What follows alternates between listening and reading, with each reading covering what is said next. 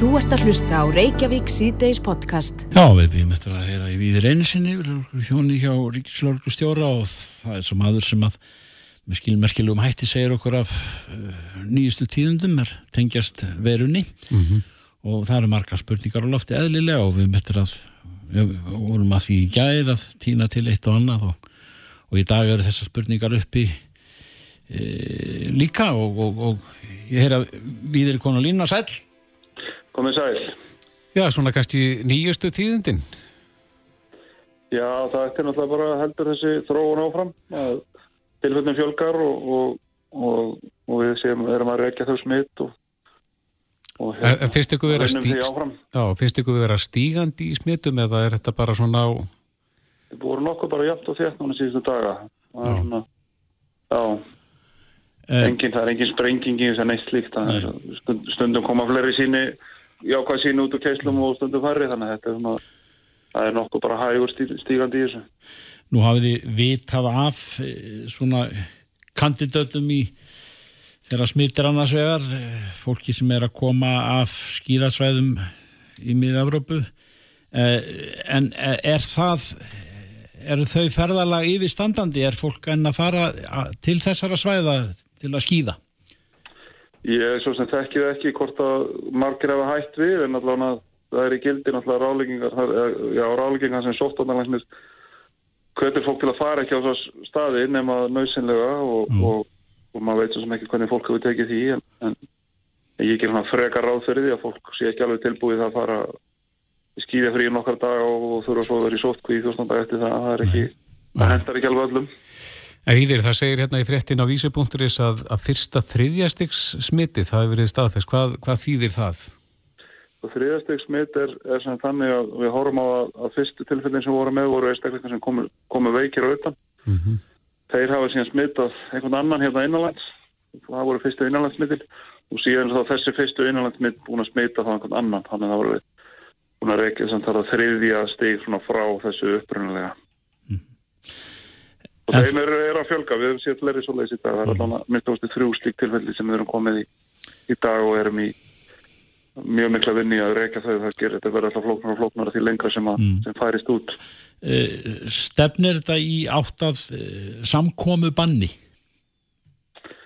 Er, já, já, ég meina það er alveg, þau hefur sínt sig að, að mjög margt af því sem að sem löndin hafa greipið til í þessum harskalegu aðgerðum að, að, að minka hérna, samskipti fólks svona samneitið þeirra að það hefur, það hefur einhver áhrif og, og við erum að búin að vera að vinna með sóttanastónun Európi í svona þeirra hættum að í kringum og við erum vona á leiðbenningu frá þeim núna í kvöld eða, eða í, í fyrramálið. Og það er bara byggt á vísnarann sem menn hafa gert í svona faradir þegar menn að horfa hvernig kynverðinni voru að gera þetta og, og svo hvað hefur virkað í, virkað í öðrum mm -hmm. sambarilegum faradurum stórum og hva, hvað er það sem virkar. Og við viljum fara til því því að við viljum ekki bara gera einhvað að því að okkur finnist einhvað þetta viljum við byggja það á því að það skil einhverjum árangri. Samkominn bann mun hafa mikil árið það mun valda tjóni og við viljum ekki fara í það ef það síðan er ekkert sem virkar. Þannig að við viljum vera alveg vissur um það. En það eru margir að plana og, og stipuleitja eins og til dæmis foreldri hér sem að sendir okkur línu hérna á fjöspókinni sem er að stipuleitja fermingavislum, það eru fjöldin allar að fermingavislum framöndan Alveg gríðarlega, ég var í samskiptum við, við kunningjamenni í gæraði þeirra það sem að hann er að undirbúa brúkafið sitt sko og svo er hann núna búin að taka ákvörðunum það að fresta því fram á, fram á vorið sko. Já, það eru margir að, er að higgja og margir að gera. Það, mm. þess vegna aðskiljiði erum við að tala um þetta. Þetta, mm. þetta er ekkert bara að ákveða hendur bara þessu út og sjá hvað gerist. Nei, en finnst þið líklegt að, við, við þannig, sko. Nei, en finnst þið líklegt svona fyrir þá sem eru núna að, að stipuleiti vera að leita já, margir búinir kannski að fá sali og annars líkt að það, það stefni í þetta Já, við erum búin að tala um þetta núna í hvaða 60 daga að þetta sé, sé svona þetta tól sem við viljum eiga inni og beita þegar að, þegar að sá tími kemur. Mm -hmm. og, og hérna ef að faradurinn hegða sér eins í okkur eins og hann gett annars þá, þá kemur tími á það að, að einhvers konar takmarskona samliti fólk mun skil árangri en, en við viljum bara vita það eins mikið eins og hægt er hversu miklu árangur það skilur og þá hvaða mm. aðferðir það eru. Það er ímislegt til í þessu. Veist, það, er mm. að, það er hægt að takmarka þetta með fjölda, til dæmis eins og marga þjóður hafa gert að segja bara þúsund manns Já. og þeir eru þá að horfa á það að, að það er byggt á tölum yfir, yfir aðra faraldra það sem þá hugsað að, að heilbríðskerfin það ráð, ráði við það að þúsund mann veikist alvarlega bara á stöttum tíma En, en, við, við myndum ekki ráði við að okkar tölu verður alltaf aðrar en við, ég held nú að, að, að þessi ákvörðun ítala hreinlega bara 16 miljónir manna settir í kyrstöðu eða landinu bara lokað sé, sé nú svona eitthvað sem hefur haft áhrifum alla Evrópuð. Já, ég meina það voru miklu fyrir en 16 miljónir það voru bara Já, 16 eða- miljónir það er ekki þessu fyrst það er ekki bara öll Ítalía Jú, öll Ítali orðin. Það, það, Já, bara eitt, og það þrýr. er grí, gríðarlegu fjöldi sko. Þetta er alltaf aðstæða sem við viljum ekki fara í. Nei, við viljum já. vera búin að bregðast við og við höfum tekið þennan, þennan faradur alvarlega í langan tíma. Við bildumst auðvitað með þessu þegar þetta var að þróast í Kína og mjög fljótlega eftir það fórum við að taka þetta alvarlega og undirbúa alla aðila sem að, sem að þurfa að þessu koma þannig að ekkert í þessu ferli núna síðustu vikundan hefur komið okkur óvart. Við höfum verið með undirbúið og, og, og bröðist við í svona eins og við höfum sett upp og enn erum við þannig að við teljum okkur síðan að sé ekki voru að koma okkur óvart og, og, og hérna, þurfum að, að vera fyrir ekki þó í sletti þetta sem að kalla proaktífur eins og hægt er Einmitt. og það er þóttið sem við verum að reyna að gera að vera proaktífur en að, en að kasta ekki út vopnunum fyrir en að við teljum að við koma að einhverju gagni. Nei. Ég sé hér í þessu uh, COVID-appi sem ég er að fylgjast með tölunum að, að þar virðist vera búið að útskrifa fyrsta sjúklingin. Á Íslandi? Já, er, er, þa- þar er recovered stendur hér. Það er einn, Já, það, nei, það er einhver öfluglega einhver miskilningur það er, að það að, það er ekki búið svo í best vitið að, að fyrsti sjúklingur sem að var greindu fyrstur hann er hann var allavega ekki búið að því í morgun að, að gefa honum græntljós og hann var útskrifaður en það getur hlutinni gera strætt og, og, en, en það er sem sagt getur verið þessi miskilningur um það að, að það var í fréttum í dag að, að sjúklingur sem hefur leið inn á landsbítalanum er útskrifaður af landsbítalanum en hann er bara að fara áfram í einangurinn heima hjá sér. E, það eru hvað 50 manns lausir úr sótkvið núna. Já, það er þessi tala sem þannig að, að menn eru settir í sótkví þegar svona grunur vaknar um eitthvað og, og eitthvað tengsl og svo er verið að skoða betur þá kemur það að ljósa að það var kannski miklu fyrr sem að þessir aðalar hittust og, og annars lík sem verður þess, þess valdandi að menn telja það að þetta falli svona utan við þessa smittímabil og það er leiðandi losna þessir einstaklingar úr, úr, úr uh, sótkví. Mm Akkurat. Er, er, er rétt í lokin sótkvíir orð sem að við heyrum mikið af og, og, og þú hefur sagt okkur yfir að, að eh, fólk bregst ekki ítla við það, það skilur alvöru ástands og, og, og hlýtir því en er einhver staður að finna á, á netinu hvernig menn eh, eiga að haga sér í sótkví þar að segja hvað má og hvað má ekki?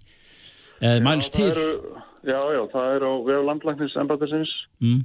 landlæknir.is með þessu AE í staðin fyrir AE þá þá þar eru leifinningar um, um uh, allt, það er alla leifinningar sem við höfum sett fram í tengslu við faradinu er allir að finna þar og það er borði á forsíðunum sem maður geta smelt á og þar er, þar undir er, er allt sem að við, höfum sett fram við höfum aðeins reykjað á okkur að sko við erum alltaf að reyna að hafa, hafa upplýsingarnar og, og meðlunum svona algenga þannig að hún, hún virki fyrir sem flesta og við erum aldrei að lendi í að einhver einstaklingar og, og, og, og fyrirtæki jafnvel líta á það sem að ef að það er ekki mest þeim eða þau get ekki algjörlega samsvara sig því sem stendur þarna, þá gildir þetta ekki um það sko. Þannig að, að mann svona að lesa þessar leifinningar og, og, hugsa sig síðan út frá leifinningunum en, en kannski ekki öfugt ef við skiljum hvað ég menna. Að við getum ekki búið til leifinningu fyrir hvern, hvert einasta fyrirtæki eða hvert einasta aðila þannig að, að, að við reynum að gera þetta eins vel eins og við getum og eins, eins margar útgára og við getum en, en, en hérna en menn auðvitað bara að lesa þetta allt saman og fara yfir þetta, það er ekkert annað að gera. Við Reynisson uh, við segjum þetta bara það, það sama og í gerð þegar við kvæðum þig við heyrumst á morgun Við gerum það. Takk Takk. Þetta er Reykjavík C-Days podcast. Já, fjármálar á þeirra fósætisráð þeirra og, og samgöngu og setjastjórnar málar á þeirra heldur blamanafundum hálf tólf fyrir hátið í dag og tíunduð þar eh, svona í megin atriðum þar eh, þau atriði sem að e, til greina koma horfið þetta nú til verri vegar sem að teilir veir, veirunni og aðgerðir vegna hennar þar á meðal eh, framkvæmdir í samgöngumálum Einmitt og uh, já, það er innspýting til þess að koma hjólum efnagslífsins í gang aftur, smá viðspilna en, En Sigurður Hannesson, frangværtastjóri samtaka innæðurins er á línunni, kom þú sæl? Sælir. Já, komið sælir. Já, hvernig líst þér á þetta útspil ríkistjóðnarinnar? Uh, þetta útspil ríkistjóðnarinnar er mikilvægt. Það er mikilvægt að stjórni sendi skýr skilabóðum það að hún ætla að standa með fyrirtækjum landsins og almenningi í þeim aðstæðum sem að upp eru. Uh, auðvitað er mörgum spurningum ósvarað í því sem að kynnt var í dag en, en ég, við þetta væntum þess að, að svona smám saman á næstu dögum mun, og vikum að þá muni myndin skýrast en það er samt sko rétt að hafa það í huga að, að vandin eins og hann blasir við okkur hann er að grunni til tvíþækkur hann er annars vegar sérstækur og snýst um veiruna COVID-19 og afleðingar af henni. En hins vegar er þetta almennu vandi og snýst um þau óveðský sem að eru yfir Íslandi og íslensku efnarslífi og eitthvað sem að hefur svona blasa við okkur í, í svolítinn tíma að hagkerfið er að kóluna eftir heilmikinn vöxt á, á síðustu árum. Þannig að það þarf í raunin að grípa til aðgerða við báðum þáttum þessa vanda. Mm -hmm.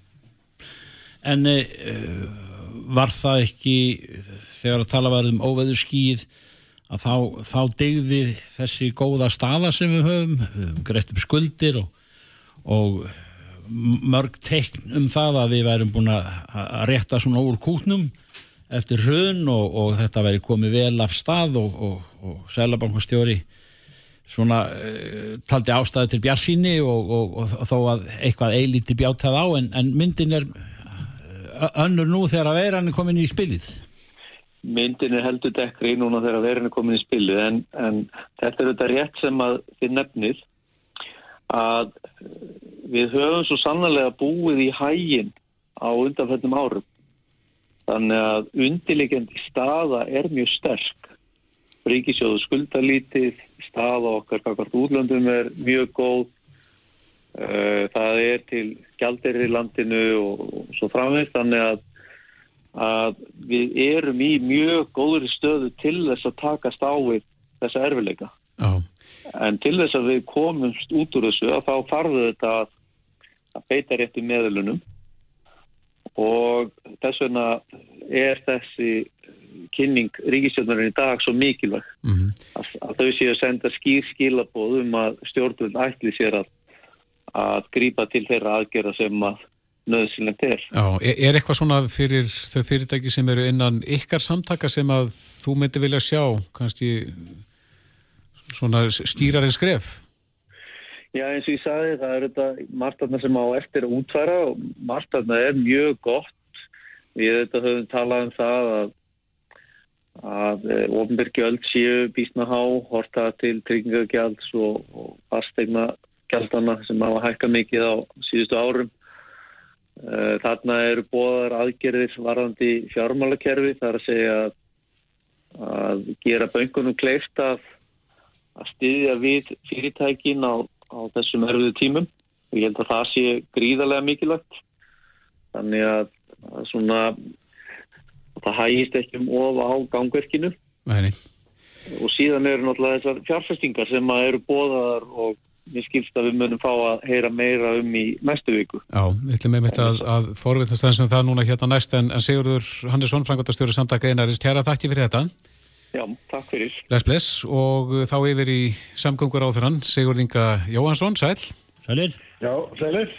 Já, menn fagna þessu útspili ríkistjórnarinnar en, en eh, og þú vantilega kemur til með að fá stóran hlut af peningunum sem eiga að fara í innspýtinguna. Hvað, hvað ætlar að gera við þá? Já, við erum auðvitað hérna í samgönguræðandunum með samgöngu áallun sem er okkar elsta svona áallun og, og fyrir vikið eigum við doldi mikið af framkvæmdum sem eru tilbúin, tilbúinar og, og hérna og menn þekkir svolítið vel til þessa en við erum að horfa á annars vegar verkefni á þessu ári sem að hafa ekki komist á framkvæmda listan og vegna þess að menna að forgansaða peningum öðruvísi.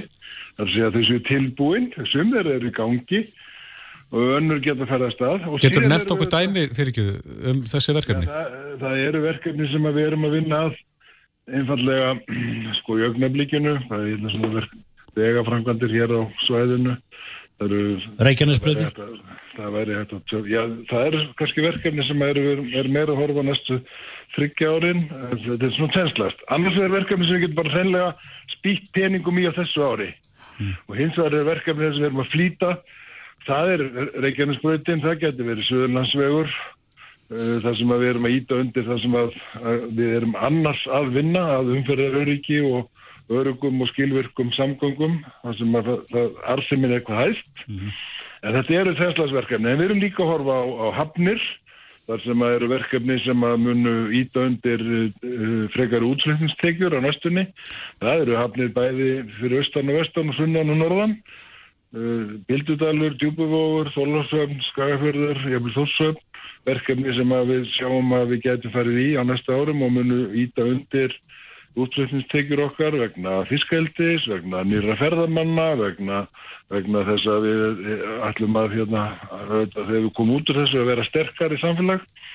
Nú síðan erum við að horfa flýið og þar eru þetta möguleikar annars vera á örgismálum er varður uppbyggingu varaflugvallar og eigilstöðum eða á að horfa á nýjar fleiri gáttir inn í landið á akkureyri, flugstöð og, og flughlað og slíka, slíkar framkvæmdi. Við erum að horfa á allt þetta sem við getum gert verkefni sem er tilbúin og sem að munu skil okkur annars vegar sterkara samfélagi þegar að búið er að byggja upp á segin viði meiri eignir bara í ríkinu mm. og hins vegar hérna eh, einhver einhver, einhverja hlutir sem að hjálpa okkur við að búa til tekjur inn í fremtíðina. En á meðan á þessum frangvænti stendur erum við auðvitað að koma fleira fólk í vinnu. Hvað er þetta, er þetta háar fjárhæðir sem umræðir? Já, ég hef nú sagt hérna að við getum svo sem bara farið hér upp í hillu og tekið niður alls konar verkefni í mjög háar fjárhæðir. Já, sem að ríkja eftir að veita í, í þessa einsbyttingu. Já, við erum að horfa annars vegar á hvað hægt er að gera þessu ári. Það er ekki endilega komið tala á það, en hins vegar á næstu þremur árum einhver friðjungsaukningu sem gæti verið á bílinu 20-25 miljardar á ári í þrjú ár. Já, og mitt. Það eru miklu penningar. Já, og uh, þú ert tilbúin að byrja í fyrramálið? Ég er tilbúin að byrja í gær, en, en ég held að, og við erum líka rætt um það, að við erum auðvitað með það stöðu upp eða það er efnarslega jákvægt að fara í svona innspýtingu Það eru er allar aðstæðar uppi að taka hagsta lán fyrir ríkið. Við erum í góðru stöðu, við erum búin að undirbúa ríkisjóð og, og samfélagið allt vel til að takast á við svona, við svona hérna, áskorun. En um, mikilvægast er þetta annars vegar að halda svolítið ró okkar í, í því að, að takast á við hilbriðisvarna og það erum við að gera. Og síðan erum við núna þess, með þessum aðgjörðum ríkistjórnarinn er að takast á við fyrstu lótu að hjálpa fyrirtækjum að lifa af næstu mánuði þegar kannski verða engar tekjur eða litlar og hins vegar að koma til móts við í, í aðunlífun að auka, auka fólk í vinnu, búa til fleiri vinnustæði og fleiri verkefni og um leið búa til grundur fyrir framtíðartekur þjóðurinn. Sigurður Ingi Jóhansson, samgöngur á þræfi, hefum að það er hugur í þér, steyðum það, kæra þakkir. Takk sem leiðis. Hlustaðu hvena sem er á Reykjavík C-Days podcast. Já, Reykjavík C-Days á bylginni. Við þáum það fréttir að matalastofnun hefur nú e, slegið varnarstjöld utanum íslensku lopapesuna. Já. En e, það var handbrjónasambandi sem að vakti aðtekla á fyrir sínu tíma að, að hér væri verið að selja e, peysur sem voru sagðar íslenskar en voru prjónaðar erlendis. Einhvern veginn mann ég eftir því að það, það er nokkur langt síðan að þetta var þessi útgjörð hóst í Kína og kom ítla við. Já, handbrjónarsambandið vildur þú að þess að sjálfsögðu. Þauður Einarstóttir er formadur handbrjónarsambandins komdu sæl? sæl. Já, komdu sæl. Já, eins og við segjum að þið vítið þessu máli svolítið á stað. Á sínu tíma? Já, já, við gerðum það og, og þetta er svo sem búið að vera langu ferill en þetta er komið í höfn sem betur fyrr. Já En hvað var það sem fór fyrir, fyrir brjóstið á ykkur á, á sínu tíma? Það, sá maður segja cirka svona tíu ár síðan að þá fór það fyrir alvöru að byrtast hér í vestlunum peysur sem að augljóslega voru ekki íslensk prónaðar fyrir þann sem hefur eitthvað vita á því að getur séð það. Mm -hmm. og það var svona svolítið gefið í skinn með þessum vörum að þær væri íslenskar og ferðarmenn sem sagt voru ekki sáttir þeir, þeir vildu hafa þetta í Ísland þeir kom ekki til Íslands langa leiði til að kaupa ykkur, eitthvað sem ekki fjöldaframleitt í öðrum löndum. En nú í dag þegar að þessi úrskurður liggur fyrir e, mun það þá verða selt og kyrfilega bent á það í vestlunum hér sem er að selja peysur útlendingum og þar með lopa peysur að hvað er ekta og hvað er ekki ekta? Já, það er sérstaklega merki sem matvælarstofnun hefur gefið út sem að og sem að kemur til með að verða höfum, þeir, þeir hafa leiði til að nota sem að sannanlega er að láta prjóna erum við verið sem eru prjónað hér á Íslandi mm -hmm. þannig að hérna, þetta er náttúrulega nýtilkomið og við erum ekki þetta er merkir ekki komið á, á förur en það verður það í framtíðinni Já.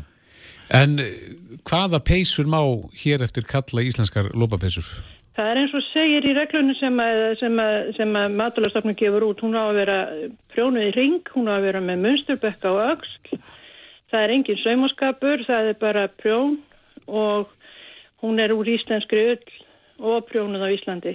Handprjónuð Já, á Íslandi? Handprjónuð á Íslandi. En, en hvað með munstrið? Munstri þarf að vera, það er, það er munsturbekk, uh, lámarka munsturbekkurinn sé á aukslinni, þannig að prjónaðir, þetta er prjónaði hring og, og hérna, já, sagt, ekki, ekki, ekki sauma saman, heldur bara gert minkað, eða gert með órutöku, sem kallað er. Er, er til eitthvað svona sér íslenskt munstur í, í peysur? Ég veit ekki hvað við getum kallað sér Ísland. Það er alltaf fullt af munstur sem hafa verið hönnuð af Íslandingum og, og, og, og bæði gömul og ný og þessi gömlu hafi verið eh, útferð og endur nýjuð og e, þannig að svo langt sem það nær getum við kallað íslenskara en hvar lopa peysan eða þetta fyrirkomulegir upprunni er ekki alveg á hreinu. Nei, en að kalla þetta íslenska ullarpeysum á það? Já, þess vegna sko. En Já. þá er það ekki með þetta merki. Nei, nei, nei. En, En eru, hva, hvað er þetta, þetta er hagsmunamál, ekki satt, hvað er margir í handbyrjónarsambandi? Uh, það eru millir 500 og 600 félagsmenn, misvirkir, mis það er ekkert, misvirka fólk gerir mikið. Nei. Nei. Þannig að þetta hefur þýðingu fyrir, fyrir ykkur sem að, já, að einhverju leiti gerið út á þetta? Já, já, þetta hefur það, það er náttúrulega, náttúrulega þess sem við erum, förum mm. á stað með þetta já, já. og líka Við getum horta á þessa, ef við ræðum þessa framleyslu sem er í ellendis, þetta er öllinni flutti yfir halva nöttin og tilbaka. Er Já. ekki eitthvað að tala um sótspor? Já, er, er hérna, er skal ég segja, er verið að flytja þá íslenska öll út og peysuna prjóna þar, en, en hvað með prjóna uh, stofur hér á, á Íslandi sem er að prjóna úr íslenskri öll? Mega það er ekki þá það sem heitir prjónaði vélum kalla þetta íslenska lópapessur? Nei, ekki lópapessur. Það, það er sko, það er ekki, ég held ég að sé ekki til vélar sem geta prjónað úr, úr lópanum, úr plötulópanum. Nei. Það, það, hann er alltaf, þetta er bara óviraðanlegur í mm. það. En það eru hérna sem betur fyrir ennþá einhverja prjónastofur sem mm. er að prjóna úr, úr, úr íslenska öll. Mm. Spyr sá sem ekki veit, er vandi að prjóna í ring? Nei. Nei. Þetta er ekkert, ég, sko, nú tala ég sem, sem manneski sem búin að gera þetta í 50 ár. Já, já. Mér finnst þetta engi vandi en, en hérna, það er það er unn ekki, sko. Allir sem að, ég segi nú alltaf að geta allir brúna, það hafa allir tíu fingur, sko. Já, já. En sögumir eru með þumalputt á öllum. Já, já, já. Það, það, það getur maður sjálfur verið í ykkur öðrum tilfellum, sko. Já, já. En, en hvað er góður prjónari lengi að prjóna eina pesu? Ég hef gefið út en það hefur enginn látið mig sína fram á það. Ég get prjónað peysu svona 15 klukkutíma. Alveg frá því ég þarf að taka, tek við lopanum og þarf að vinda hann upp og, og prjóna og geng frá. Er það stór peysa? Nei, bara svona með svona treyndum peysa. 15 tímar með matmálstímum og kaffi hljóð? Já, ég bara vinnan við þetta er 15 tímar. Ég myndi halda það sér svona nokkur neginn. En eh, það, það má bæta því við að ég er búin að prjóna yfir 50 ár þannig að... Hvað ertu búin að prjóna marga peysur? Hvað sér þau? Hvað ertu búin að prjóna marga peysur? Veistu það, ég hef bara ekki hugmynd um það. Næ. Ég, hérna, ég gæti hugsanlega að tekið það saman en, en ég þór ekki að lofa. Það er, það er líka ymslegt annað heldur um peysur sem við prjónum. Það er. Það er nú með okkur í handbráðansambandinu, við fáum ymsar fyrirspurnir og leysum ymsa vanda sem að kannski er ekki vennulega flíkur. Það er mjög gott fyrir fólk ef það er og, og, og kannski handleikja langt eða breytt um sig að þá, þá sér prjónu við. Mm -hmm. Já, það er, hefur komið sér vel fyrir marga. Já, sérðu fyrir að því, þú getur prjónað íslensku landslýstreyðuna? Uh, Hefur aldrei verið beðið um það? Nei, ég hef ekki verið beðin um það. Nei. Það er þú veist að tala um fótboltan, ég held að það sé svolítið flókið. Já, mitt. Já. En uh, nei, ég myndi, ég myndi ekki, ég myndi vísa því frá mér. Já, hvað kostar lópapiss í dag? Svona al- aldingt verð? Uh, það er svona 25.000 Já. pluss mínus eftir stærð og gerð. Já. Það er náttúrulega, út, erum við að tala um útsöluverð og búið með virðsökkarskatti og álögning og öllu, sko. Já, en, en það liggja það lámark 15 klukkutímar að bæti, greinilega. Já, já, já, já. Já, já. Það er alveg að lámarki. Herru við óskum ykkur og okkur bara til hammingi með þetta Já. þegar þið reynastóttir formaður handbrónarsambansins. Já, Vonandi ég, verður ég vegur segi ykkur bara sömu greiður. leiðist til allar okkar kollega. Já, takk fyrir. Takk, Það er góð, takk, já, bless. Þú ert að hlusta á Reykjavík C-Days podcast. Já, klukkan er 23 mínútur gengin í 6 og uh, við höldum okkur á svipuðum miðum og undan farnar daga getur við sagt, ekki við að gera. Annað að gera, segi ég. En uh, áhrif þessara veiru í Evrópu, ef við, ef við gripum, ef við berum það niður, að þá er mjög víðtæk mjög víðtæk áhrif og, og með að segja íþróttirnar hafa ekki farið varhlut af því og, og kjartan allir, þú ert að, að, að stjórna mistaradeldinni í, í, í kvöld. Er einhverjir áhverjandur þetta er sérkennilegt að horfa á gríðarlega spennandi leik? Tveir, Já, það er sko, held ég alveg öruglega ekki komið áhöröndabann, jú það er á, á Spáni, sorry, það er í mest, á mest stæjarleikvanginum mm. Í uh, síðan, áhöröndabann en í Leipzig held ég að verði áhöröndur, allavega með við svona síðustu upplýsingar, upplýsingar sem ég hef. Og þetta er auðvitað að setja stórt strik í reikningin bara í öllu, þetta er auðvitað hefur fyrst og reist áhrif á veikt fólk. Þannig að maður, þetta er, það er léttvakt að tala um, um áhrifin sem þetta hefur á íþróttirnar en þetta hefur samt áhrif þar. Og við erum líklega að horfa á það til dæmis að ég veit ekki hvað gerist til dæmis fyrir ítölsku deildina, Serie A hún getur bara verið búin. Það er, það er öllum leikið fresta fram í apríl og það verður mjög erfitt að koma svo öllu fyrir Já. en meistaradeildin heldur áfram. Og það er í kvöld, hvað, tveir leikir? Tveir leikir í kvöld í 16. úrslutunum þetta eru setni leikirnir og sko, maður er eiginlega farin að sjá það núna því að sko, við, maður, ég er einn af þeim sem er með koronavirun á heilanum. Og núna fær maður pínu flótta frá svona eigin googli og uh, YouTube myndböndum sem maður er að horfa og svona og maður getur aðeins einbytt sér að fótbolta og glimt stað og stund þú ert með koronavirun á heilanum en, en þú ert ekki smitað Nei, ég er ekki, nei bara svo Já, sjandi á hreinu. þú stísi haldið til haga en í kvöld mætast sem sagt Valencia og Atalanta, þetta er mjög skemmtilegu leikdagur, þetta er ekki stærstu linn Valencia og Atalanta mætast á Spáni og Leipzig fær Tottenham í heimsók Tottenham með þetta, margir íslendingar sem halda með því félagi, Mm. með hverjum heldur þú í ennsku? Þorgeir? Já, það? Já, Ertu Tottenham maður? Já. Ertu bjart sitt fyrir kvöldið? nei, Þeir eru 1-0 undir eftir fyrir leikin já, ég veit það og hálfliðið meitt Já, verði ekki að tala um það Nei, nei. Þeir takk þetta í kvöld Já, já, þeir, eh, þeir eru með lemstraðlið, svo ekki sem meira sagt Já, já. en uh, þetta verður, verður forunilegt og síðast þegar þessi leikdag að fá fram uh, fyrir uh, hvað, þreim vikum síðan þetta er líklega fjöruasti leikdag það voru flest mörkin skóru held ég alveg nánast og mikið um færi hjá þessum fjórum liðum sem er að etja kappi kvöld í tveimur leikjum. Þannig að þetta verður mikil spenna, gleði og skemmtun. Allt í lagi að horfa til gleðinar Þrátt fyrir allt og allt. Kjartan allir takk fyrir þetta. Takk fyrir. Og við ætlum að stella okkur beint frá þessu og, og halda áfram með koronavírusin en uh, Bryndi Sigurðardóttir, smitt sjúkdómalæknir og komið til okkar, velkomin. Já, takk fyrir. Ef við náðum að plata hingað, ég veit að það er mikið að gera hjá ykkur, öllum smitt sjúkdómalæknunum í dag, en, en uh, okkur langar að gefa fólki kostaður hringin vegna þess að það eru marga spurningar á lofti hjá, hjá hlustendum, Já, líka hjá okkur. hjá ykkur líka, ja, akkurat. Já. En, en okkur langar að, að gera þetta svona millilega löst, bara koma á sambandi milli eh, þín og ykkar læknana og svo hlustenda. Þannig að ef þið hafið spurningar að núti, þá er símanúmeri 567 11 11. Það er ein spurning sem að við langar bara til áður en að uh, hlustendur koma til sögunar hérna hjá okkur en, og það er svona bara hugleðingar um það að, að, að þegar að við leikmenn sem að vitum ekkert um, um, um pöttur eða veirur hér eða þar eða alls þar nema það að maður hefur tilfinningu fyrir því að það sé, það sé ríkara veiru og pöttu líf þar sem að, eh, til dæmis á Amazon eða, eða þar sem að uh, lofslag er heitt og rakt og, og, og, já, og, og mikil umferð manna og dýra en ekki á hæstu tindum alpanna í hvítum snjónum og, og, og, og, og kulda. Er þetta, er þetta ykkur hugsanavilla hjá mér? Eða eða eru ákveðnar veiru sem að lifa bara best upp í Himalaya og á, topnum á, á, á hérna Ölpunum? Já, þetta er nefnilega áhugaverð tenging og aðtöðsemt vegna þess að eins og við vitum þá er þetta þessi skíðasvæði, við hefum mikið hugsað út í þessa tengingu við skíðasvæðin, mm. bæði Ítali og Östuríki og svo þetta líka að, að einhverja hluta vegna ef við rifum upp SARS-faraldurinn 2003 þá var, kom það upp um vetur líka. Og svo þegar fór að hlína og vora þá dó það út eins og mm -hmm. april-mæ eitthvað svoleiðs þetta var stuttur faraldur. Ef við vonum á því núna?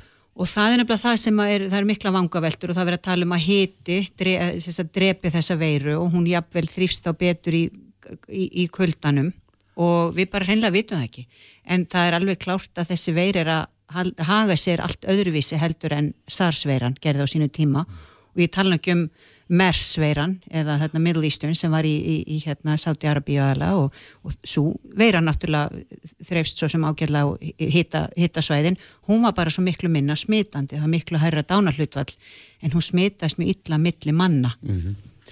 En Bryndis, við ætlum að hleypa hlustandum að því, kannski byrðum að setja því hernatólinn hérna, þannig að þú heyrir í, í þeim sem að ringja inn, símanúmeri 56711 og við slum hafa bara spurningarna nokkur hitt miðar. Eh, góðan dag. Daginn. Góðan daginn. Hver er þar? Uh, ég er Átni. Sæl Átni, ert þú með spurningu fyrir myndið sín? Já, það er bara einn ein stöð spurning. Akkur er, uh, akkur er uh, ágæðslega á kvössónum í krónunum með gúmihanska? Já, það er góð spurning vegna þess að það er eftirlega líður þeim betur með hanska en eins og við komum fram þá mælum við ekki endilega með hönskum við vitum að veirur og síklar setjast á hanskana mm -hmm. og við kannski gleymum okkur freka með hanska og erum að snerta andlitinn og þetta myndi ganga ef fólk myndi skiptum hanska jafn óðum í hvert skipti sem er afgræða nýjan og nýjan hérna viðskiptafinn mm -hmm. En þannig myndi mann að fara hans í fljótti gegnum hanskana. Já, við mælur ekki með það Nei, við erum ekki að mæla með hönskum utan sjúkrahús það er miklu frekar að spritta hendurnar vel og þó með sápu eins og við líka komið fram. Mm -hmm. góður sápuþvottur er bara gulls í gildi, alveg eins og sprittir endar Já Það er flottir, takk fyrir þetta og uh, við minnum á síminir 567 11 11 einhverja spurningar, spurningar. og þið getur líka sendt okkur spurningar í gegnum uh, fjersbókarsýðu Bildjunar við ætlum að fylgjast með þar ef þið viljið frekar koma spurningum þáleðinu Annar á línni, góðan dag. Já, góðan dag Hver er þar? Sigurbjörg heiti ég, ég er með eina spurningu til, til hennar. Gjör þið svo vel. Já, er, er ekki bara ráðið bara að vera að fara í ljósabæk alltaf öðru koru? Já, steikjana veruna. Steikja veruna, já. já.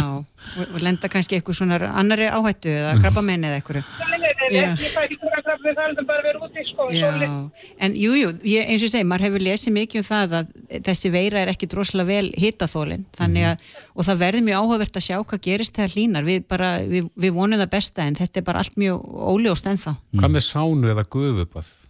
Þú ert þar inn í tímyndur kortir er, er... það er allavega gott, er ekki gott fyrir hilsuna já, svona almennt, almennt, almennt fólki bara líður, mm. ég held að ágætt að fólk slagja á bara í sánu, staðan fyrir, fyrir að vera með kórunukvíða Já, akkurat. Herðan, fleiri, Siminópin 56711, þetta er millilega samband, góðan dag. Góðan daginn. Hver er þar? Ég heiti Vignir. Sælvignir Þín spurning? Já, það er kannski tölur flokknar en þess að sem hafa komið undan. Já. En ég er sem sagt ekki áhægt á sjálfur, en kona mín er það Mm -hmm. En ég er í vinnu, það sem ég umgast mikið af fólki á svona. Um, ætti maður að, það er þau að náttúrulega helst sjálfa að hætta vinnu skilur að vera heima, sem hún hætt. En hversu físilegt er það fyrir mig að hætta í vinnu til þess að fóra þess að smita hana sjálfur? Já, þannig að komið smá svona dilemma. Þú veist eins að þetta vinna innan um mikið af fólki og konaðinn er í einhverjum áhættuhóp sem þýðir það að hún er ekki endilega já, hún er endilega ekki líklari til að fá veiruna en ef hún smittast á líklegast er hún veikar og það á við um fólk með undirleikjandi sjúkdóma eins og við hefum heyrt. En þarna myndum að segja sko aðalatrið kannski á þér er bara að, að hugsa um þessa klassísku handreinsun og spritt og þú hendurnar. Þetta er svolítið erfitt vegna þess að við göngum út frá því að ef að fólk er ekki hóstandi og veikt þá er það teljum við mjög lítið smitandi um, það er erfitt beinlega, við hefum fengið svona fyrirspurnir um sagt, aðstandendur mhm. einstaklinga sem eru veikir fyrir og fólk vil ekki bera veiruna heim, en þá held ég maður ekki bara, við vitum að veiran drefst mjög auðvitað með handreinsum spritti og handfotti mm -hmm. og ég held maður get ekki lagt nú miklu áherslu á þetta að ef að þú þærðir vel og sprittar áður og kemur heim, þá ættir þú ekki að held ég vera í, í þess að hugsanlega bera veiruna í hana Þú myndir þurfa náttúrulega umgangast, þú myndir þurfa umgangast veikt fólk eins og kannski veist í kortir hálftíma innan við metersfjall að vera í nánum samskiptum við eitthvað sem er veikur, verða sjálfur veikur sem gæti tekið 37 daga og svo smita hana. Já. Þannig að hérna... Er það fyrir ekki að vita hvort að fólk er byrjað að smita áður en enginn er komað fram? Þetta er nefnilega miljón dollara spurningin sko mm -hmm. og uh, hérna fyrst Ég lest ágætlega um að, að fólk geta alveg mögulega verið smita á þess að vita það sjálf og Já. verið smitandi á sama tíma sko. Nákvæmlega og þetta er mjög góð punktur hvað þýðir að vera veikur og smitandi sumir náttúrulega við hefum lendið þessu líka því við hefum verið að ringja dagli þess einstaklingar sem eru veikir heima, þetta er náttúrulega núna tæplega 70 íslendingar og fólk er mikið að hugsa um sko hvenar sumir eru slappir en eru bara vanir að hugsanlega eru slappir og eitt svo veikur kannski að nerra þess og það er náttúrulega mjög svona smittgefandi aðtöfna að nerra þó maður sé kannski ekki endilega um veikur. Þannig að ég tek alveg undir þetta maður veit að það ekkit endilega. En, en líklegast er veirumagni mjög lítið í slímhóðunum uh, þanga til svona kannski sólarhing fyrir alvöru veiruleg enginni ef að það hljómar rökrétt. Já, já, almennt á liti þá hérna svo lengi sem að spreita sig vel og frífa sig vel. Já, og ef að fólk er ekki að nærra og hósta framann í þig, ef að fólk, já, og, svo, og reyndar eins og við komum fram, þetta er náttúrulega snertismitt og við teljum að því miður er þetta líklega ansið smitandi á snertiflötum og veiran virðist lifa lengi á sléttum flötum, plasti eða, eða áli eða stáli eða eitthvað slíkt og þessna bara enn aftur áherslan er lögð á að þrýfa, spritta sápa á vatn. Mm -hmm. Það eru kæra þætti fyrir þetta fína spurningar. Takk. Hún setur hjá okkur um Bryndi Sigurðardóttir, smitt sjúkdómalagnir og er að svara spurningum hlustenda um koronaviruna. Næsti? Já, góða dag. Hver er maðurinn? Jón Guðmundsson veit ég. Sæl. Blessaður. Er það lækkað aðeins í útarpinu þarna bak við þig og Já, hlusta okkur gegnum síman? Þetta hlaupi yfir í stofun og slökkvaði. Þeir eru að býða bara rúli. Við gefum það tíu sekundur, þú verður að taka þetta á spretti. Ekki drepaði á þessu. Hún að slökkva, takk í sófan. Heyrðu, mig langar til að vita hvena kemur KO20 hel til Íslands. Það er hérna stökkbreytta veiran. Já, stökkbreytingi. Já, mikið rættum þessa stökkbreytingu sem verður kannski ekki alveg komið alveg nóg mikla. Vitu við það? Nei, svona vísindilega sé þetta er náttúrulega í raun senna, upplýsingar frá Kína og við erum kannski ekki, þetta komst nú kannski fréttir svolítið snemma, við erum ekki alveg komið með nóg miklar upplýsingar. Er það alltaf slemt ef að, ef að veira stökkbreytist? Ek, ekki nefnilega endilega. Veirur geta stökkbreyst og verið þá veikari fyrir vikið. Já. Það þekkjum við líka mjög vel í veirufræðinni. Þannig stökkbreyting er ekki endilega slæm. Mm -hmm. En ég reynlega get ekki svara þessu. Nei. Þetta er, já. Nei, nei. Er það einn spurning hérna af netinu? Mm -hmm. uh, hérna segir einn, halló hefur spurningu. Ávegstir eins og eppli til dæmis er hægt að þrýfa þessa veiru af hef ekki keift ferskvöru vegna smitt hræðslu eða vöru sem ekki er hægt að þrýfa hvað, hvað með það? Já. Maturur og Já. ávexti og slíkt uh, Ef maður myndi skóla held ég ávexti og græmiti vel í heitu vatni þá er mm. talað um að líklega myndi veiran skólastaf þá hann verður held ég að ræða þetta við eitthvað ný gæraða fyrardag í frettum mm -hmm. frá matvælastofnun mm -hmm. þannig að hérna og ég tek undir það að þrýfa og skóla græmiti Á maður að spritta eppli sín veistu maður gæti það næstu því. Já. þú gætir alveg sprittað eplið og svo skólaði með heitu vatni. Já. þá ertu komið ansið reynd epli. Já, það er kannski ráð. en þetta á við um, um náttúrulega margar síkingar en, en já, það er það er ekki ljóst að veiran enn til að lifi lengi á svona matvælum eða grófu græmiti en, en ég held að það sé sniðut að skóla vel. Mm -hmm. eða bara reynlega þá ekki borða neitt nefnum getur tekið utan að því. Mikil sprittnótkun uh, þurkar upp hendur uh, geta verið svolítið getur verið svolítið kvimleitt jável sárt en, en er, er, ekki, er, ekki, er ekki fleiri vökvar eða fleiri aðferður sem hættir að nota við að mikið um þetta gelspritt núna sem fyrir betur með hendurnar við séum að fólk sem er, er sem með eksem endurleikindi húsjúkdóm að það fer ekki vel út úr því að spritta Nei. og margt helbrista svo sem við náttúrulega sprittum okkur endalustum búin að gera alla æfi held ég, mm. þannig að maður er svona mis á veturnar er þetta verra þegar maður er með þurrari hendur, Já. en ég hef alveg séð að fólk með húsjúkdóm og eksem það fer verð út úr sprittinu mm. en, en þá er, er sápa vatn og svo bara handabörður Já. Mm. En uh, hvað, eitt, tveir viðbót, uh, símanúmeri 567-1111 ef þið viljið stjótinn spurningu. Ef það er eitthvað sem hefur blundað hjá okkur, eitthvað spurningar sem ekkur vantar svar við, þá er tætjafæri núna. Hún situr hjá okkur Bryndi Sigurðardóttir, smittsjúkdóma læknir. Góðan dag. Góðan daginn. Hver er þar? Ég er Duna. Sæluna. Mér langar bara að smá að forvarnast eins og þeir sem eru af lífteknilifjum.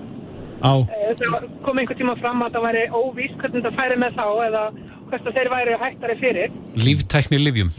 Já. Mm Já, við hérna byrjum bara að fá þessa spurningar frá giktlæknum og, og, og, og taugalæknum í bara byrjun janúar þegar maður einhvern veginn átt að segja ekkert á þetta myndi springa út eins og hefur gert um, en við fáum þessa spurningar mjög reglulega frá einmitt kollegum okkar sem nota þessi líftækni liv uh, sem eru þá mjög ónæmisbælandi meðferðir fyrir einstaklinga og í samt, sagt, ég veit að, að sagt, norræn giktarsamtök meðal annars hafa byrt leiðbyrningar það sem við mælum með núna er það að því við, spurningar sem við fáum er það á fólk reynilega hætta á ónæmisbælandi meðferðinni ef það er annarkvæmt útsett eða einmitt.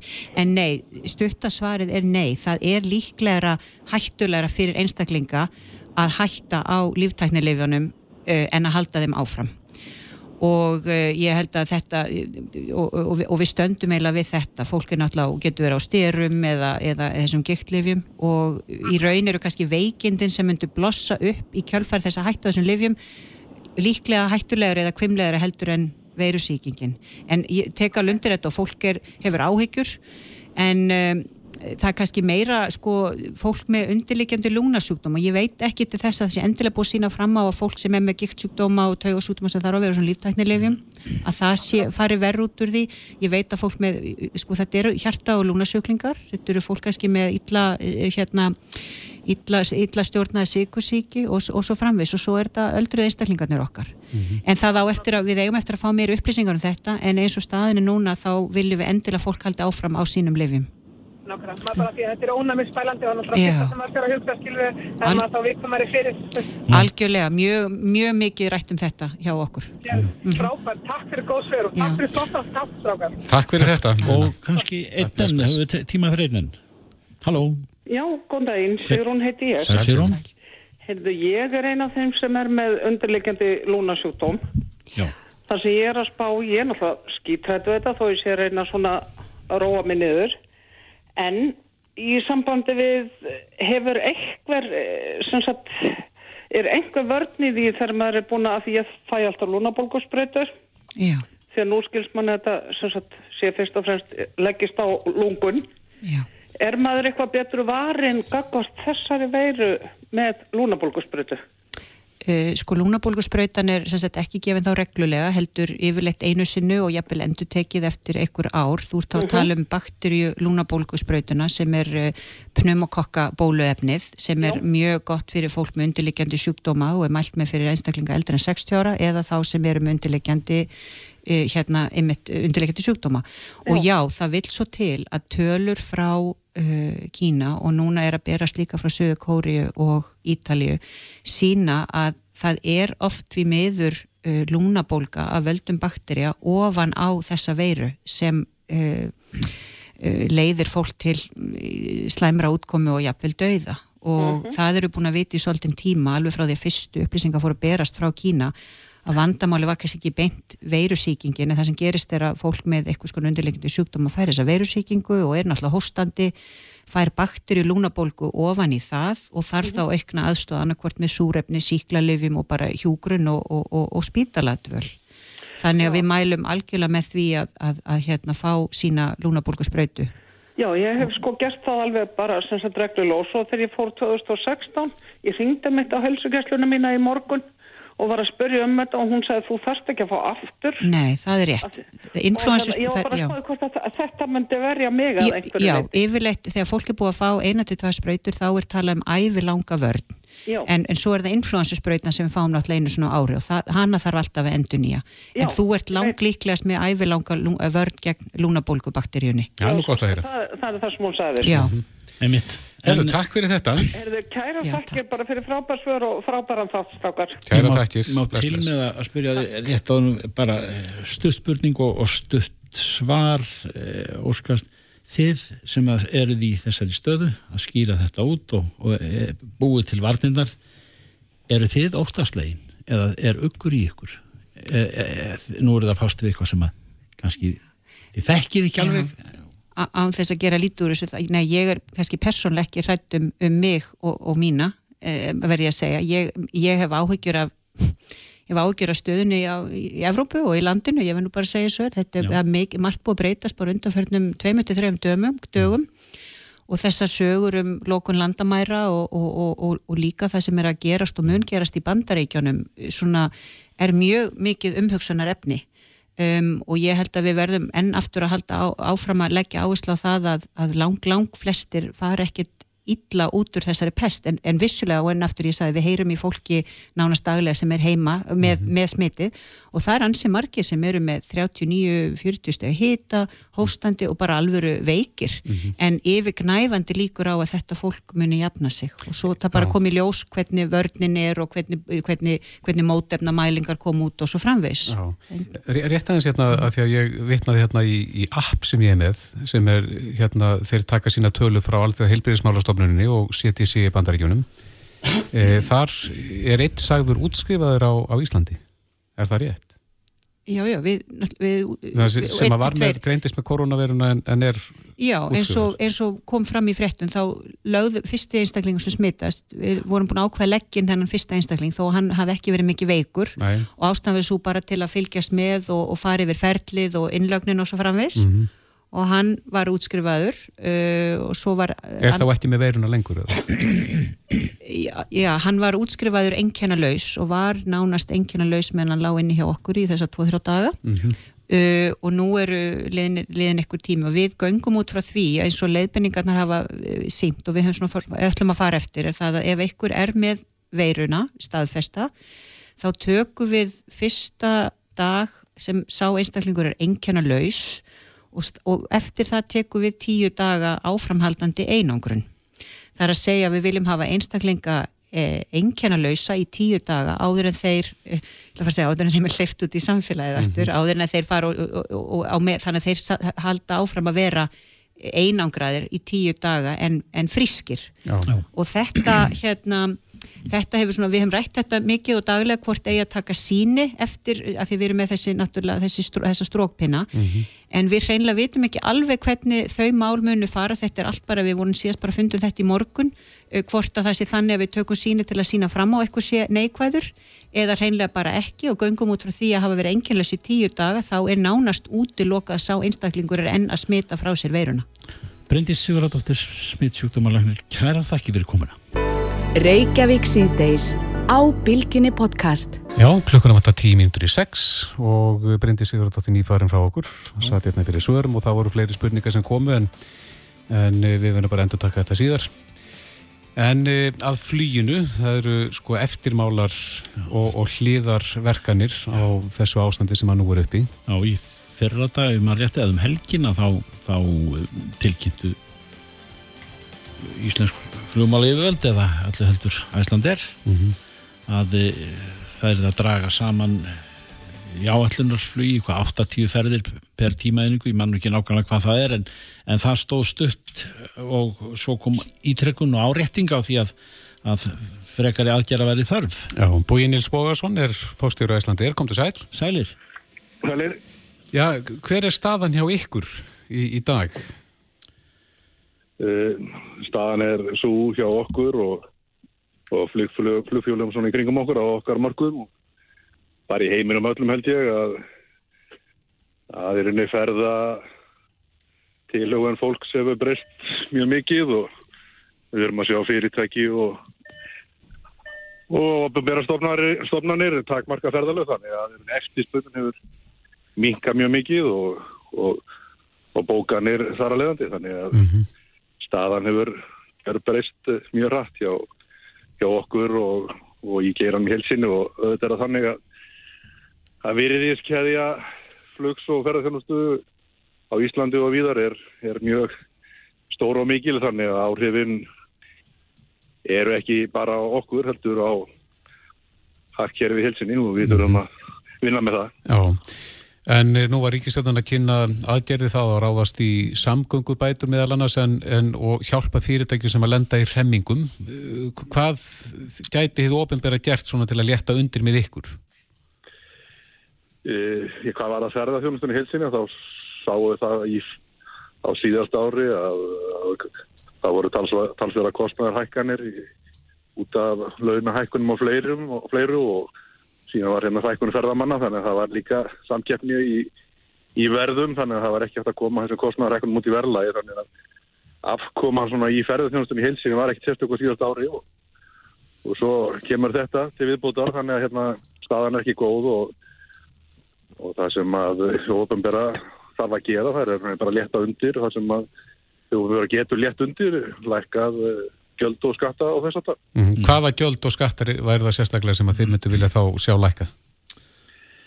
Já, það er eins og uh, til dæmis á hótelgeran uh, gistináttagjaldið og, og uh, í flugin eru við með talsveit mikla skattlagningu og gjöld frá ofinbæru fyrirtækjum og við viljum að það sé hortið þess hvað, hvað er henni það er ríkistjónin og ofinbæru fyrirtæki geta gert þess að liðka fyrir þessu ástandi og við erum að sjá þetta gerast í löndunum í kringum okkur mm. Norska ríkistjónin hefur búið að blaða mann að funda á til þar sem að þau munu eða hún mun tilkynnum aðgerðir og þannig að þetta er þetta er ekki bara Íslandi sem að vera glíma, glíma þessa stöðu og en það var mjög jákvæmt sem kom fram hjá ríkistjónin í fyrir hátdegi að þau eru, þau eru, eru að grípa til aðgerða sem er að gera náttúrulega í þessari stöðu sem er náttúrulega fordæma laus Já, enda þið lífaðinn þegar að fara þjónustunar annars vegar eh, En bóið, þið, svo sé aðeins vikið af því að, að þið voru búinir að og, fara í, í miklar hreinsunar aðgjörn og sótt hreinsun í, í, eftir hverja ferð, var það ekki, komið í það horf sem maður heyrði af, af því að þið voru búin að gera ýmsar hreinlætis rástafanir. Já, við höfum náttúrulega eld uh, já, hvað ég segja, hreinlæti okkar vélum og, og bröðist við þessu ástandi með hérna með því að styrkja alla ferla og viðbúna hjá okkur í, í fluginu og hérna og ekki síst hvað var það flug sem er að koma frá þessum svæðum sem að vera að metja náhætti svæði mm -hmm. Mm -hmm. En sjáu þið fyrir ykkur að þurfa að fækka fólki vegna ástandsins? Já, við erum að vinna núna ákveðna sviðsmyndir og það endur speklaðist í þessar tilkynningu sem við söndum frá okkur í morgun að að við erum að horfa til þess að eins og kom fram hjá mér áðan að eftirspunir hefur minkað mjög mikið og e, það sem við getum gert til þess að bregðast við því það er að aðlaga frambóðið og, og e, við erum bara að vinna að mótvæðis aðgjörum núna þessa dagana og, og e, ég held að sé óhjákvæmilegt að, að við erum að grípa eða bara að taka ákarni sem eru bæði erfiðar og, og geta verið sásöku fullar við verðum að gera það okkar ábyrði í rauninni snýstum það að koma okkar fyrirtæki vel í gegnum þessa stöðu og, og, og þegar við mingum í rauninni okkar framlegslu okkar frambóð þá týðir það að það, þarf færa fólk. Þannig að það og við erum að sjá þetta að gerast í, í kringum okkur í, hjá flugfölum á, á Norðurlöndum og víðar að, að það er verið að skera niður og, og hækka fólki og það er, er alveg ljóst að við verðum að gera slikt í saman. Er, erum við þá að tala um helti við línuna þar að segja áhafnir og á skrifstofu? Já, rauninni plönin leikja ekki fyrir en ég held að sé alveg ljóst að við þurfum að horfa yfir bara allt sviðið hjá okkur, mm. það, það er bara þannig, ég meina. En bója að lókum þetta að þessu sinni e, þeirri horfið til, til síktusvæðana segiru og, og begja vegna allansála er, er veiran kominn og, og hefur áhrif gæti svo staða komið upp í, í flugin að það er bara almennt stopp? Ég er nú ekki bara þannig að þannig ef að það Evrópa og, og, og Amerika eru, eru undir sem stendur en, en já það, það gæti farið svo að það gengi það langt. Ég er ekki sérfræðingur á þessu sviði en Eh, og ætla ekki að hérna fara að spána einn um það en við, við erum með að reikna með hjá okkur að, að hérna, eftirspurni verði frekar dræm svona næstu vikur í afvel mánuði en það mm. opnist nú þessi bók, bókunarklöki aftur síðar þessu ári við teljum nú áfram að fólk vilji ferðast og hérna þannig að hérna það verður ekki algjörð stopp en eins og segi aftur, ég er ekki sérfræðingur á þessu svið Nei, nei, maður heyri bara þetta svona hérna og þann en, en auðvitað bara vonum við að þetta gangi yfir á sem fastum vikum og mánuðum Já, já, við verðum að við, við, við trúum því og hérna og uh, verðum því að vera sterk þegar hérna bókunarklukkin opnast aftur, það er okkar, hérna, okkar verkefni. Já, Bói Níls Bógason, fórstjóri Æslandir Kæra þætti fyrir spjallið. Takk. Takk fyrir, ábæður Reykjavík síðdeis á Bilginni podcast.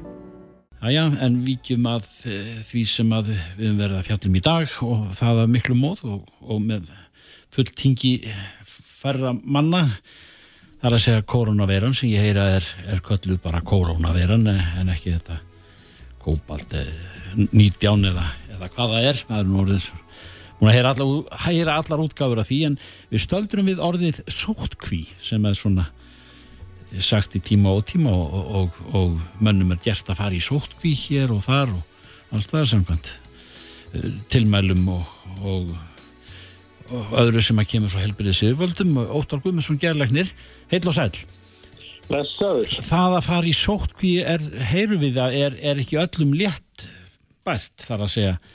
Sumur líður nú ekki, ekki vel við það að, að vera settur í einhvern einangarunar bás og, og það skaltu vera. Og þetta máttu gera og þetta ekki. Nei, það er nú skiljanlegt að, að fólki fellur þetta illa. Þetta er svona ákveðin, svona, þetta er ákveðin trublun á svona eðlilegu lífi.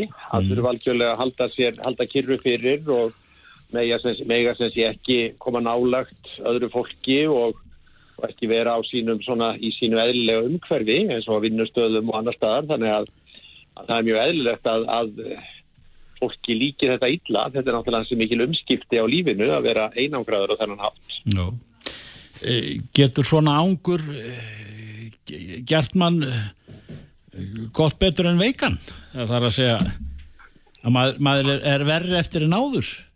Nei, það held ég nú ekki en, en, en, en auðvitað auðvitað vitum við það að, að það, er, það er þessi óvissa sem að fer oft illa með fólk að Mað, menn eru settir í sótkví vegna þess að það er grunur leikur á því að þeir geti hafa smítast mm -hmm. og uh, það er náttúrulega erfiðir, erfiðir tímar og erfiðir dagar þegar að fólk uh, þessi er heima hjá sér og heldur jafnvel að það sé að, að, uh, koma, að það sé koma upp mjög alvarleg veikindi og það er náttúrulega gríðarlegur ótti í samfélaginu við þessa veiki, við þessa veiru og og uh, þannig að það er, fólk er, er mjög hrætt og, og, og er mikið að velta fyrir sér hvað, hvernig þetta fer og, og því og mm. þannig að það er, það er mjög skiljalegt að, að sá sem er settur í sótkví og er þannig grunaður um að vera smitt beri að hann, honu líður illa, þetta er svona ákveðin óvissa og þetta er svona aldrei að vera undir sverði demoklesar og þú býður bara eftir því að fallöksin detti á þig og það er mjög erfitt fyrir marga að, að, að vera þannig. Mm -hmm. Finnst þér svona, finnst þér e, þetta vera full fyrirferða mikið í umræðinu eða á að, á að tala um þetta óheft eftir öllum þeim leið, leiðum sem bærar eru í samfélaginu eða... Ég, nú, ég líst yfir þeirri skoðun oftar en einu svo oftar en tvistar en ég finnst þessi umræða vera full fyrirferða mikil og, og þetta skuli vera sé fyrsta frétt í öllum fréttatímum og þessar tölur sem verður tíunda eins og hálulegstölur í knastbynduleik. Mm. Þetta verður orðið ansi fyrirferða mikið og það eru mjög margir sem að eru hrættir við þessa umfjöllun og, og einhvern veginn bara hrættir við að deyja og, og því. Þannig að það er náttúrulega búið að koma, e, það er ansi mikil svona, svona fjölda, e, mikil fjölda hræðsla í samfélaginu. Það er almenn hræðsla í samfélaginu og og þetta segir þessi sjálft að þessi stöðu í fréttaflutningur hann við heldur þessari hræðslu. Mm. Mm. En, er, en erum við ekki eh, alltaf hrætt, hrættari við hið óþekta sem að óknar kannski líf, og limum? Hrætt við hið óþekta og þar er líka náttúrulega spilað aldrei á það. Það er endalus að fréttur um það að, að við tekjum ekki þessa veiru og hún mm. getur stökk breytt sér og og síðan eru við náttúrulega alls konar, Íslandingar eru náttúrulega sérfræðingar í öllu eins og við vitum að, að, að það er náttúrulega hafa risið upp núna á síðustu dögum miklir hamfara sérfræðingar og veiru sérfræðingar og, og sóttvarnar sérfræðingar og því þannig að, að sérfræðingar er náttúrulega leika lausum hala og þeir segja að, að og fara að ímynda sér það versta mögulega sem getur skeið í sambandi við þessa veiru. Og það náttúrulega e, svona gerir það verkum að fólk er enn hrettara en það fyrsti kannski að vera. Það er alltaf verið að svona mála upp það versta sem getur skeið Já Já, svo, svo er þetta líka sóttvarnar sérfræðingar sem að halda því gagstaði fram að það, það sé ekkert að óttast og, og þetta sé bara allt saman uppblásið. Já, já og, og menn halda, þannig margir sem halda því fram sko að, að, að veiran sé ekki eins bannvæn og, og afilátið og það er náttúrulega huggun harmi gegn í þessum hörmungum öllum að að allir þessir 50-60 sem að hafa greinst smitaðir hér á landi að þeir eru allir við, við þokkalega hilsu, það er engin, engin sem er innlaður á spítala og það er engin í öndunavél þannig að, að þýrætti til við veiran leggja svona nokkuð létt á flesta eða þá sem hafa vext allavega hjellendis mm -hmm. en auðvitað ef að, ef að veiran verður mjög almenn og, og fer að breyðast út í svona meðal eldri einstaklinga og veikar einstaklinga þá náttúrulega uh, eikstöðu uh, skadin sem að afhengi getur hlutist. En þetta er vandrataðu vegur? Vandrataðu vegur og bara um að gera fyrir þá sem eru í sótkvinni að, að svona mála ekki skrattan á veggin og reyna átt að segja á því að þetta er kannski ekki eins langt og afið látið og, og bara að æðrast ekki og bera höfuðu hátt og mm -hmm. drepa tíman Einmitt. Óþar Guðmundsson, Gjörlagnir, kæra þakki fyrir þetta. Takk að best. Þetta er Reykjavík C-Days podcast.